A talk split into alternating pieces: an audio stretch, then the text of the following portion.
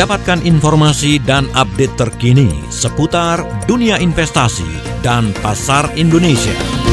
Bersama Inspirator Investasi Indonesia, Ryan Filbert, dalam Analisa Pasar Indonesia.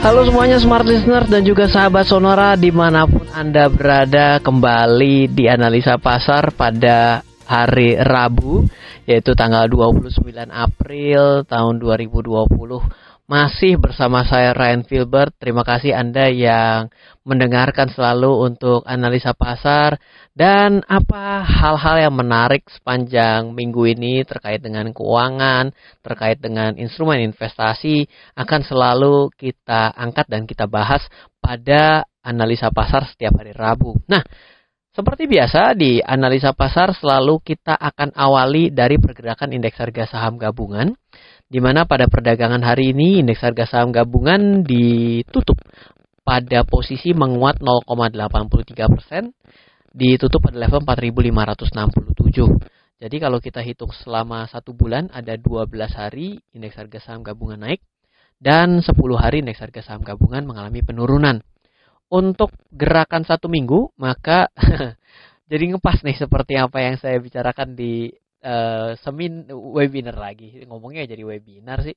Karena dari tadi pagi nih saya diundang untuk webinar terus. Jadi seperti yang kita bicarakan pada analisa pasar hari Rabu sebelumnya yaitu sulit untuk ke mana-mana. Yaitu kita hanya mengalami pelemahan dalam satu minggu 0,01 persen Bagaimana dengan gerakan trennya? Sebenarnya gerakan trennya indeks harga saham gabungan dalam satu bulan tepatnya ya. Kalau satu minggu kita nggak ke mana-mana, dalam satu bulan kita sebenarnya pada kisaran yang cukup rendah. Pada kisaran yang cukup rendah, kenapa? Karena, karena pada satu bulan ini kita mendapati indeks harga saham gabungan terendah pada level 4 466 dan hari ini di level 4567 artinya kita lebih dekat ke titik terendahnya dibandingkan titik tertinggi. Titik tertinggi ada pada level 4811. Oke, kita akan bergeser e, menganalisa pergerakan daripada nilai tukar. Nilai tukar kita pada perdagangan hari ini mengalami e, in US dollar terhadap rupiah ya. Tentunya rupiahnya menguat di level 15.295. Secara satu bulan kita dalam posisi menguat dan kalau dalam tiga bulan kita dalam posisi tentunya melemah. Karena di tiga bulan yang lalu kita ingat bahwa levelnya masih ada di kisaran 13.529. Nah, kita akan geser setelah itu. Dari mata uang kita akan geser dengan pergerakan emas. Di mana pergerakan emas pada perdagangan hari ini kita berada pada level 1705 secara satu minggu kita sempat mengalami kenaikan yang mendekati level tertinggi dalam beberapa waktu terakhir ini yaitu di level 1746 dan pada pergerakan lima hari yang lalu kita berada pada level 1735 dan pada pergerakan hari ini di saat ini masih berada di gerakan 1705 dan mungkin Anda juga yang melihat pergerakan dari uh, cryptocurrency yaitu seperti Bitcoin Bitcoin pada kisaran uh, 8.000 7.894 dan ini mulai breakout. Bitcoin sudah mengalami kenaikan dan melewati resisten, maka kemungkinan Bitcoin akan masih e, berpotensi untuk e, terus menguat. Jadi kalau emas dalam kondisi penurunan, e, Bitcoin mulai mengalami kenaikan dan sepertinya resistennya ada pada kisaran level 7.963. Ya, kenapa saya juga mulai membahas mengenai cryptocurrency karena banyak sekali yang bertanya mengenai uh, review terkait daripada uh, cryptocurrency dan tentunya kita ambil dari yang market capnya terkuat yaitu Bitcoin sendiri. Jadi tentunya pergerakan masih uh, reaktif terhadap berita-berita yang ada dan untuk indeks harga saham gabungan sendiri sebenarnya menurut saya pergerakannya lebih diwarnai daripada sentimen-sentimen uh, sesaat. Dan ada cukup banyak um, pergerakan berita yang bisa kita update bahwa uh, di antaranya ya Uh, kalau dari investasi ilegal ada 81 pinjaman online ilegal berdasarkan data Satgas Waspada Investasi. Ini tentunya Pak Tongam nih, siapa tahu nih Pak Tongam juga mendengarkan siaran Smart FM diupdate pada tanggal 29 April yaitu hari ini. Lalu ada juga informasi bahwa Ibu Sri Mulyani memberikan keringanan kredit untuk UMKM. Nanti coba kita akan bahas seperti apa uh, hembusan positif ini bagi industri UMKM dan juga kepada sektor perbankan sendiri ada cukup banyak. Nah, namun apa yang mau coba saya sampaikan di sesi pertama ini adalah dalam beberapa minggu terakhir baik di channel YouTube saya maupun pada WhatsApp pribadi ya, itu banyak sekali yang mempertanyakan mengenai uh, kredit-kreditnya yang sudah mulai tidak mampu dibayar. Ada juga yang bertanya kalau ternyata ditipu. Misalnya Anda ditelepon oleh orang yang mengaku dari salah satu bank, dimintai OTP, dimintain tiga digit dari kartu kredit Anda yang ada di belakang. Itu uh, sebenarnya menjadi kelalaian kita loh. Dan kalau misalnya masih transaksinya menggantung, itu di Anda bisa menghubungi cepat, maka Anda bisa menyelesaikan masalah itu untuk ditutup masalahnya. Tapi kalau misalnya sudah terjadi settlement, maka itu biasanya menjadi kelalaian dan kita tidak bisa berbuat apa-apa dan pada akhirnya kita harus membayar. Jadi please kepada Anda pada hari ini dengan kondisi yang tidak menentu seperti pada saat ini masih ada pandemi corona yang masih ada di sekitar kita, yang namanya tingkat kriminal dan juga penipuan juga akan kembali menjadi marak. Please bagi Anda yang pada hari ini mungkin dalam keadaan kesulitan keuangan tetap berpikir jernih karena tidak ada yang namanya uang gampang. Misalnya undian berhadiah, lalu tiba-tiba dibilang mendapatkan warisan dari sultan mana, ya kan dari raja mana, tiba-tiba menelepon Anda, harus mengupdate data, meminta kartu kredit. Lah kalau mau ngasih hadiah kok minta data kartu kredit kan lucu gitu kan. Nah, ini beberapa uh, sudah beberapa yang masuk ke WA yang bertanya Pak kalau saya ditipu kartu kredit apakah saya harus bayar? Tuh yang nipu ini kartu kreditnya atau yang nipu orang lain? Orang lain. Nah kalau orang lain bagaimana caranya bisa menipu anda? Karena saya kasihkan kartu belakangnya dan juga OTP-nya lah. Itu kan berarti menyerahkan diri kan? Nah kenapa bisa? Ya karena saya lagi kesulitan ekonomi. Berarti ujung-ujungnya adalah kita tidak berpikiran jernih. Jadi pesan pertama untuk mengawali uh, siaran sore hari ini kepada Anda, smart listeners dan juga sahabat Sonora. Jaga bahwa pada saat ini di sekitar Anda juga yang mungkin masih mulai, mulai kesulitan keuangan, mulai berpikiran gelap, juga mulai berpikir bahwa mau menjahati atau mau melakukan suatu tindakan-tindakan, ya contohnya ya yang penipuan-penipuan ini, Anda harus berpikir jernih bahwa tidak ada uang gampang. Yang kedua adalah kalau mau ngasih uang, ya kasih nomor rekening dikasih lah, dikirim. Iya dong, tinggal pajaknya berapa gitu. Oke lah, tapi kalau misalnya meminta data-data yang oh iya kita ada kirim ya SMS, tolong dibacakan lah. Ngapain? Kamu yang mau ngasih kok saya harus ngasih data ke kamu? Itu jangan pernah mau. Lebih mawas diri. Ah, itu adalah pesan pertama dari sesi pertama di sore hari ini. Kita masih banyak sekali yang akan kita bicarakan pada sore hari ini. Semoga nih keburu tentunya. Saya kembali mengingatkan kepada Anda smart listeners dan juga sahabat Sonora, saya memiliki modul investasi, belajar investasi. Hari ini paling tepat belajar di mana belajar investasi itu selalu tepat dan semakin tepat kalau harganya murah. Bila Anda mau belajar bersama saya, saya sudah siapkan modulnya selama 30 hari. Anda tinggal kirimkan nama, email, nomor handphone, kota domisili, dan jangan lupa cantumkan subjeknya. Analisa pasar.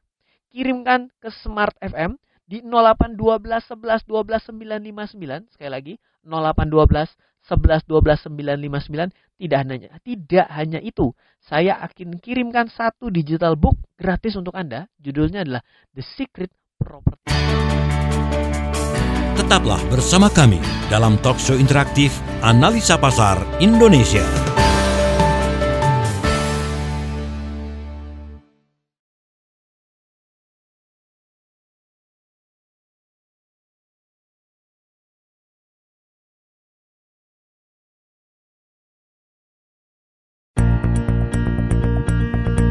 Kembali Anda ikuti talk show interaktif bersama Ryan Filbert dalam Analisa Pasar Indonesia.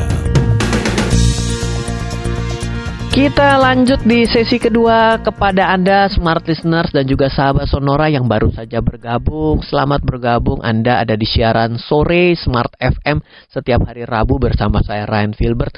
Dalam analisa pasar, kita selalu membahas hal-hal terupdate terkait dengan keuangan, investasi dan pengelolaan aset. Tadi di sesi pertama seperti biasanya kita sudah mengupdate mengenai pergerakan dari indeks harga saham, pergerakan dari harga emas, kita sudah mengupdate harga cryptocurrency, digital asset yaitu Bitcoin. Lalu kita juga uh, sudah membahas ada beberapa hal yang menjadi tren dalam beberapa minggu terakhir dan di minggu ini lucunya adalah banyak sekali yang me-WA ke saya terkait dengan kalau dia ditipu mengenai kartu kredit. Dan ternyata basicnya lagi ternyata dia ditipu dengan cara dirayu ada dapat hadiah ini dan itu dan terkena please hati-hati dalam kondisi hari ini Anda harus semakin mawas diri. Itu adalah pesan dari sesi pertama. Nah, apa yang akan kita bahas pada sesi kedua adalah uh, ini sebenarnya adalah pertanyaan minggu lalu yang belum sempat dijawab. Terima kasih bagi Anda smart listeners dan juga sahabat Sonora yang sudah bertanya yang bertanya bagaimana caranya menyelamatkan kondisi atas investasi-investasi portofolio sahamnya yang sudah terlanjur mengalami penurunan cukup dalam. Bahkan ada eh, tadi siang pun ketika saya ada live webinar yang mengatakan bahwa investasinya pada salah satu reksadana sudah lebih dari 50% penurunannya. Dia bertanya apakah wajar, lalu apa yang harus dilakukan. Mungkin Anda juga dalam posisi ini, mari kita akan bahas. Nah, sebelum saya akan membahas, saya akan kembali mengingatkan kepada Anda, eh, smart listener dan juga sahabat Sonora, di Sore hari ini, bila Anda mau mendapatkan modul belajar investasi dari saya selama 30 hari, saya kirimkan langsung ke alamat email Anda. Silakan Anda kirimkan nama, email, nomor handphone, kota domisili, dan juga subjeknya pastikan tertulis analisa pasar agar tidak salah alamat untuk dikirimkan. Kirimkan ke 0812 11 12 959. Sekali lagi 0812 11 12 959. Dan bila Anda mengirimkan data, selain mendapatkan belajar investasi selama 30 hari dari saya melalui email Anda, saya juga akan kirimkan buku digital yang judulnya The Secret Property Investment. Nah, saya akan mulai jawab dari pertanyaan terkait dengan rebalancing portfolio. Jadi sebenarnya eh, bagaimana menyelamatkan portofolio mungkin dalam bahasa keren bisa dibilang melakukan rebalancing. Nah, kita harus mengetahui pertama eh, dalam kondisi pada saat ini kalau kita coba lihat ya dalam satu tahun pergerakan indeks harga saham gabungan di Bursa Efek Indonesia itu sebentar seperti biasa kalau dipencet malah error sudah mengalami penurunan dalam satu tahun adalah 29,5 persen di mana titik tertinggi kita adalah pada level 6693. Artinya kalau kita hitung-hitung kita uh, dari titik tertinggi ini sudah turun juga cukup jauh. Dan mulai ada angka 30% kemungkinan besar untuk yang berinvestasi ya kurang lebih akan jatuh di lebih ataupun jatuh kurang dari uh, nilai satu tahun itu. Nah, jadi apa yang harus kita lakukan ketika kita dalam kondisi memegang portofolio yang rugi? Step pertama, Anda bandingkan dengan pesaing-pesaingnya.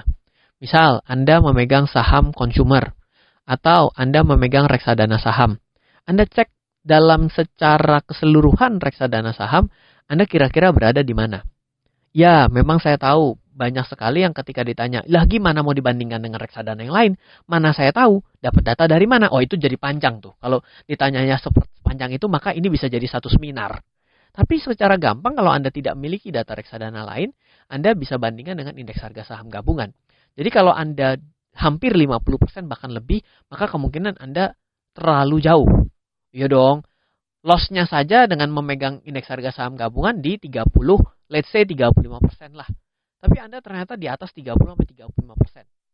Ini kalau dihitung dari return untuk satu tahunnya ya, jangan dihitung dari total portofolio. Nah kalau dari portofolio saya juga nggak tahu Anda berapa lama untuk whole time period. Saya tidak tahu itu. Tapi mari kita melihat kinerja terakhirnya.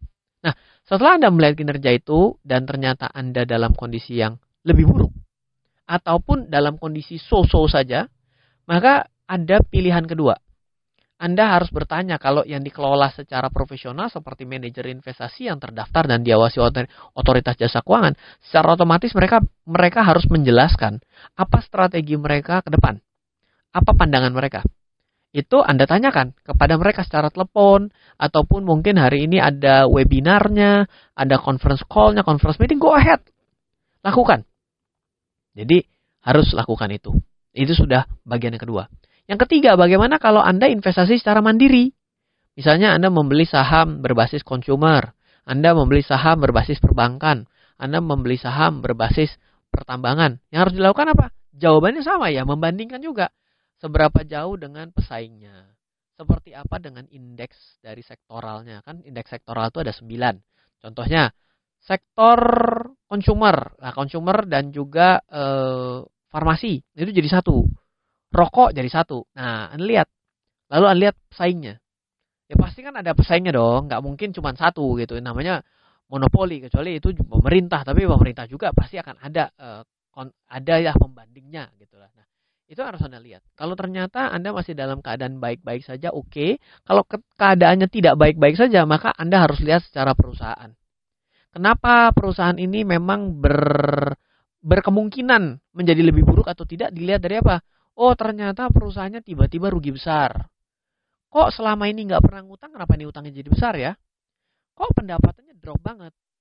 Lihat dari hasil rapat umum pemegang sahamnya. Kan Anda sebagai pemegang saham berarti harus punya hak dong untuk mengakses rapat umum pemegang saham. Hari ini sudah mau di online kan loh. Ah, Anda lihat. Dari situ Anda punya feel. Makanya saya selalu bilang sebagai seorang investor Anda harus memiliki sense. Yaitu apa? Sense of business. Kalau Anda berinvestasi tanpa mengerti bisnisnya, itu berarti sudah setengah, kurang. Yang bagus adalah Anda mengerti, oh ternyata benar ya, oh pakan, pakan ayam tuh begini. Oh kenapa mining turun lah? Ya jelas aja orang gak ada sektor energi yang mana ada industri yang pakai dalam kondisi pada saat ini. Minyak aja negatif. Nah jadi dengan analisa-analisa seperti itu membuat Anda menjadi yakin dengan terus melanjutkan. Atau Anda sudah ah ini kayaknya makin hari makin gak jelas nih barang. Nah, udah, udah, udah, udah, saya jual aja. Nah, itu sudah kembali ke dalam keputusan Anda. Dan nggak ada batasan untuk seberapa la, seberapa jauh Anda harus keluar. Itu nggak bisa. Itu nggak ada ukuran yang sangat ngepas. Karena investment itu adalah, menurut saya loh ya, itu adalah seni. Jadi agak nyeni gitu. Ada sesuatu sisi subjektif yang kita pasang dalam investasi itu karena kita kan melihat itu untuk ke depan. Bagaimana melihat sesuatu ke depan itu bisa disama persepsikan untuk semua orang kan sulit sekali. Jadi Anda yang harus bisa punya kendali atas seluruh instrumen Anda, tapi guidance-nya sama yang tadi.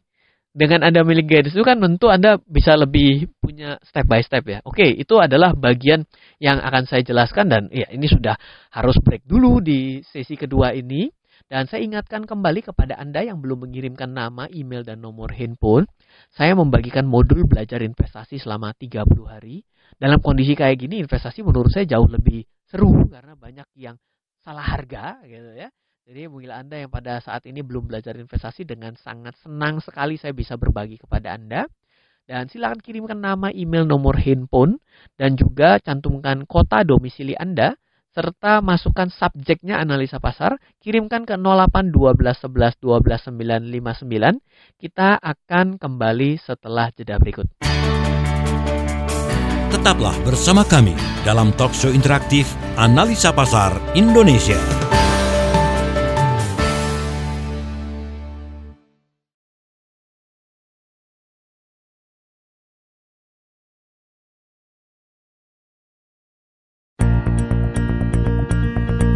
Kembali Anda ikuti talk show interaktif bersama Ryan Filbert dalam Analisa Pasar Indonesia. Halo smart listener dan juga sahabat Sonora, kita ada di analisa pasar setiap hari Rabu di sesi ketiga. Selamat yang baru saja bergabung, selamat bergabung dan yang sudah gabung dari tadi, selamat bergabung kembali tentunya.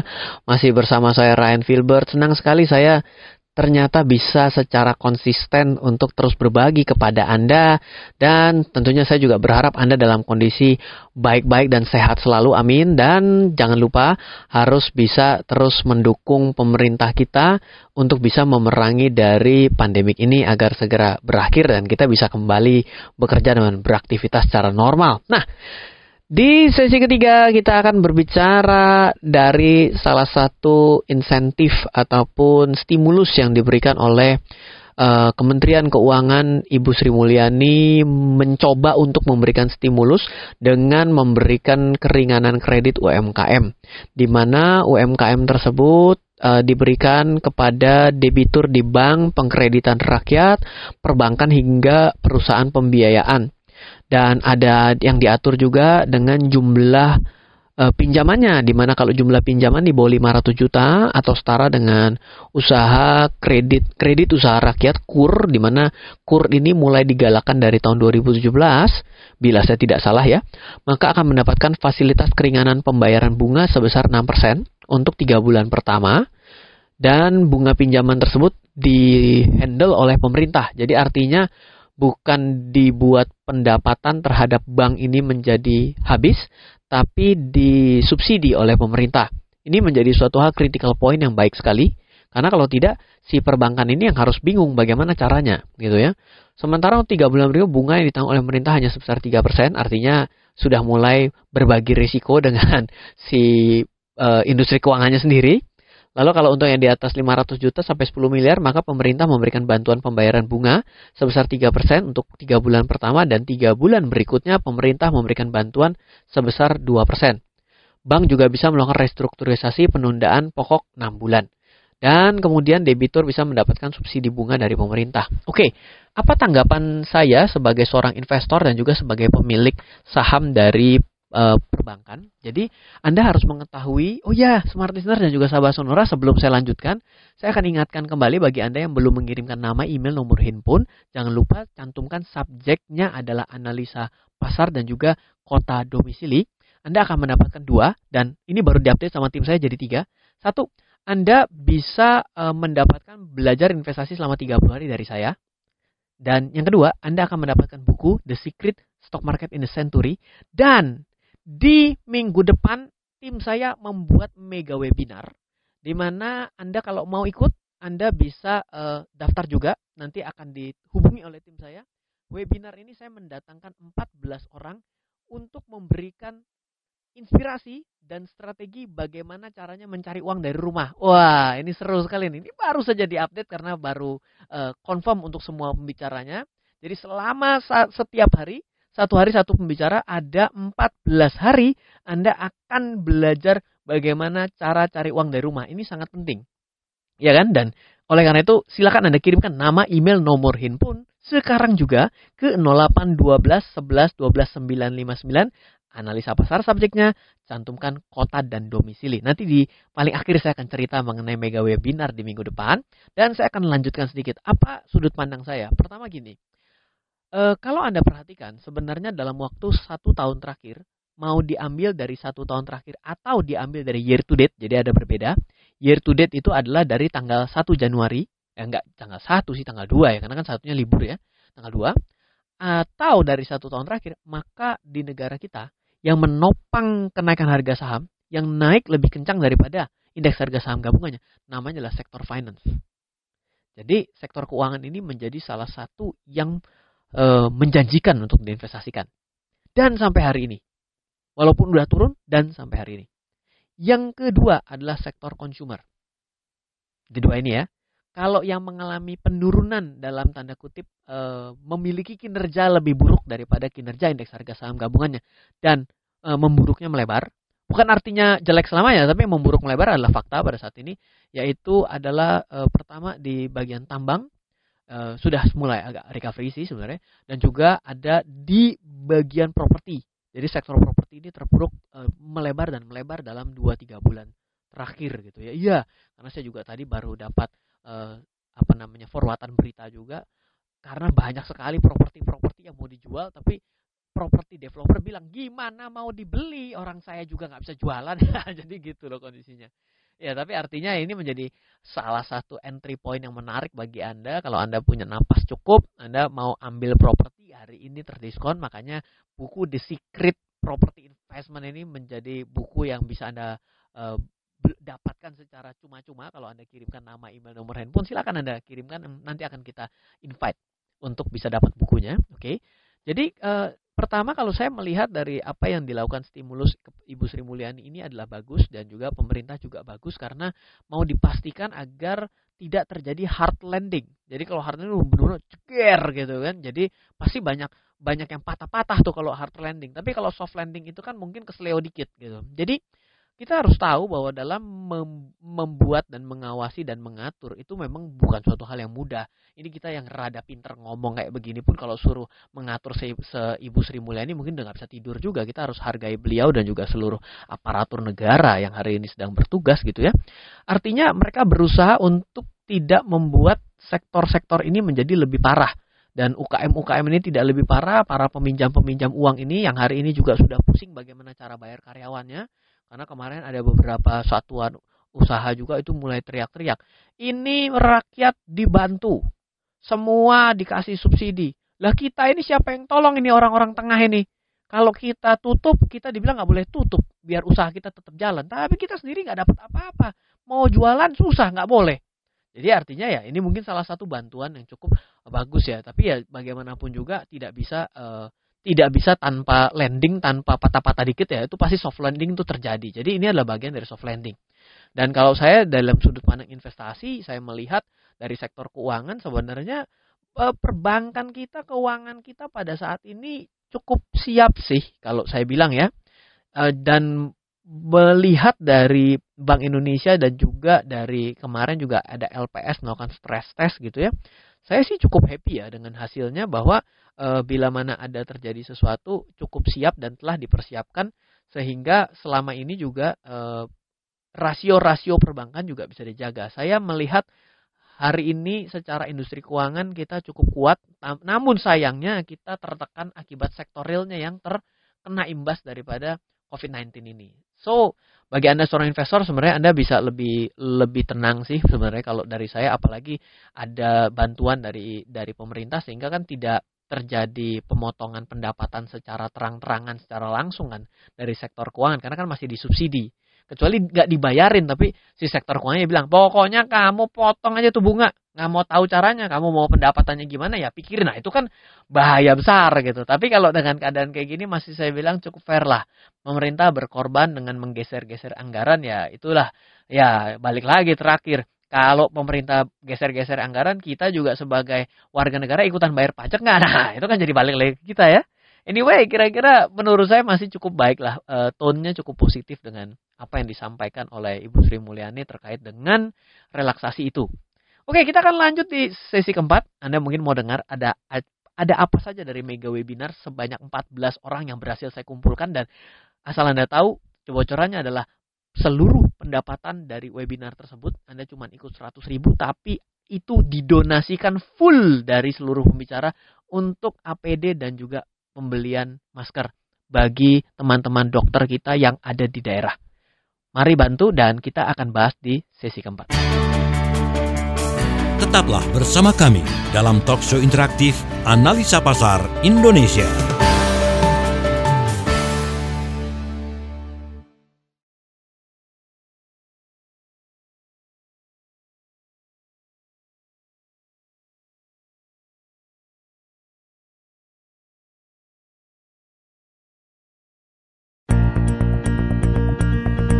Kembali Anda ikuti talk show interaktif bersama Ryan Filbert dalam Analisa Pasar Indonesia.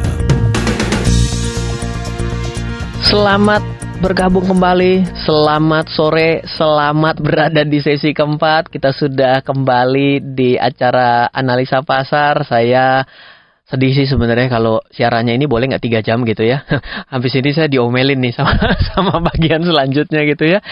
Ya kita udah di sesi keempat dan saya ingatkan kembali uh, Anda pada sore hari ini ada kesempatan yang sangat istimewa di minggu depan selama 14 hari 14 pembicara mau mendonasikan untuk tiket seminarnya hanya 100 ribu dan ini bentuknya adalah live webinar di mana 14 pembicara ini adalah orang-orang yang menurut saya sangat kredibel.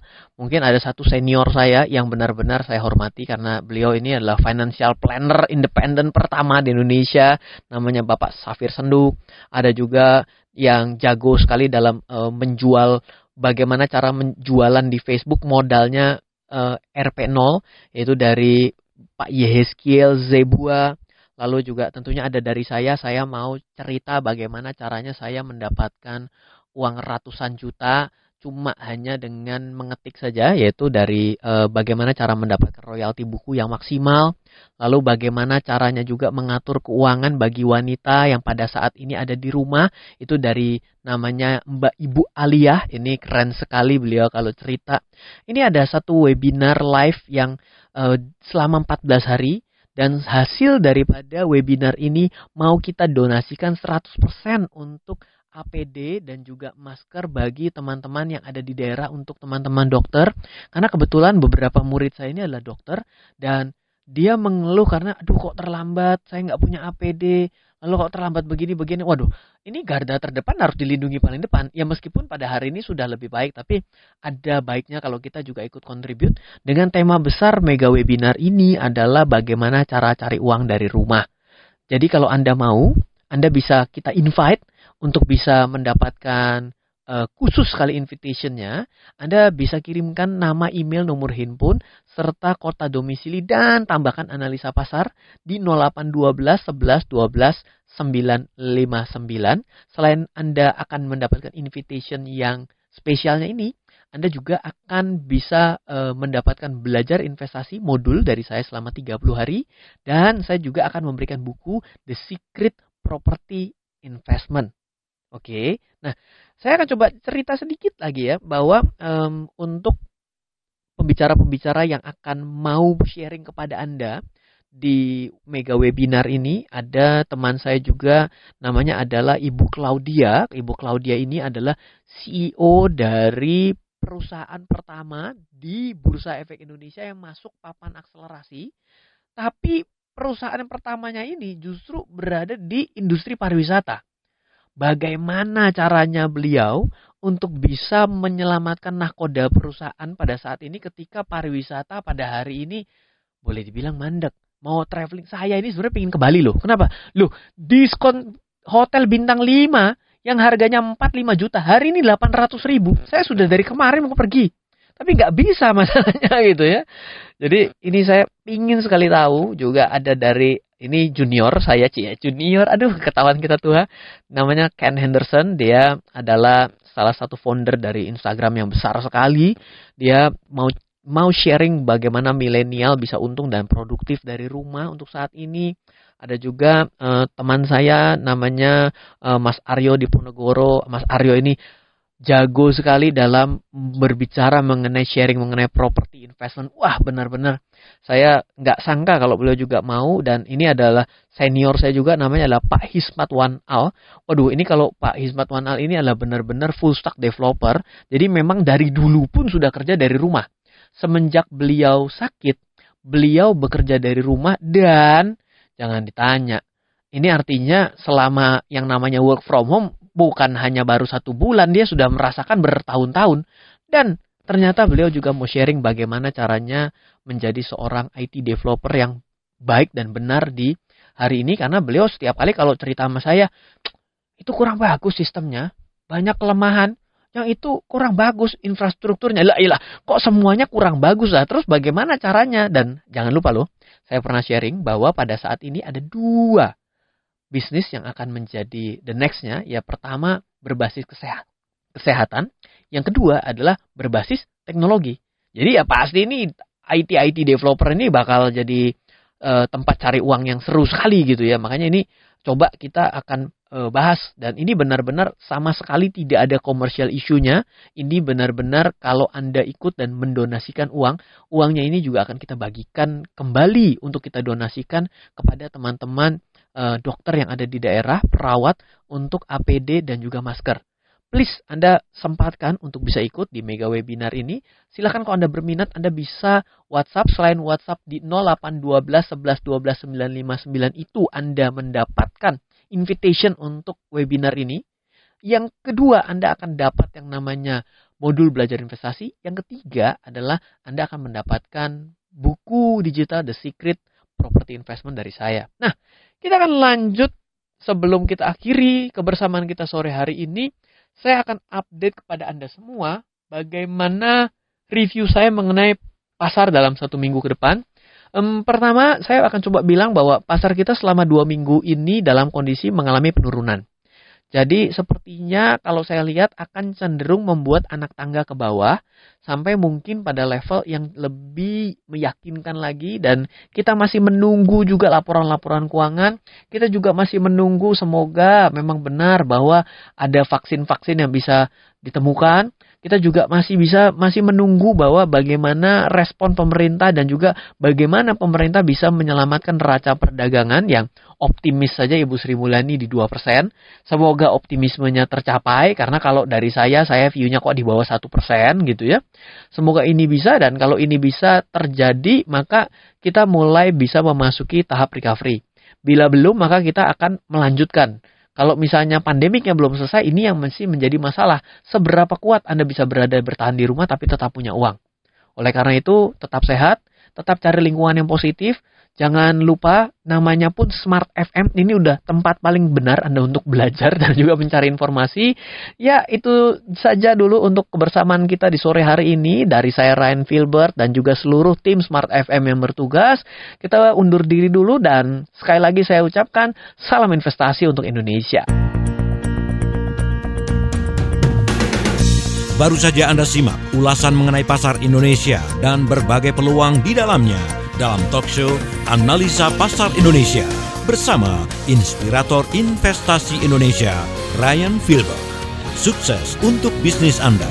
Terima kasih dan sampai jumpa.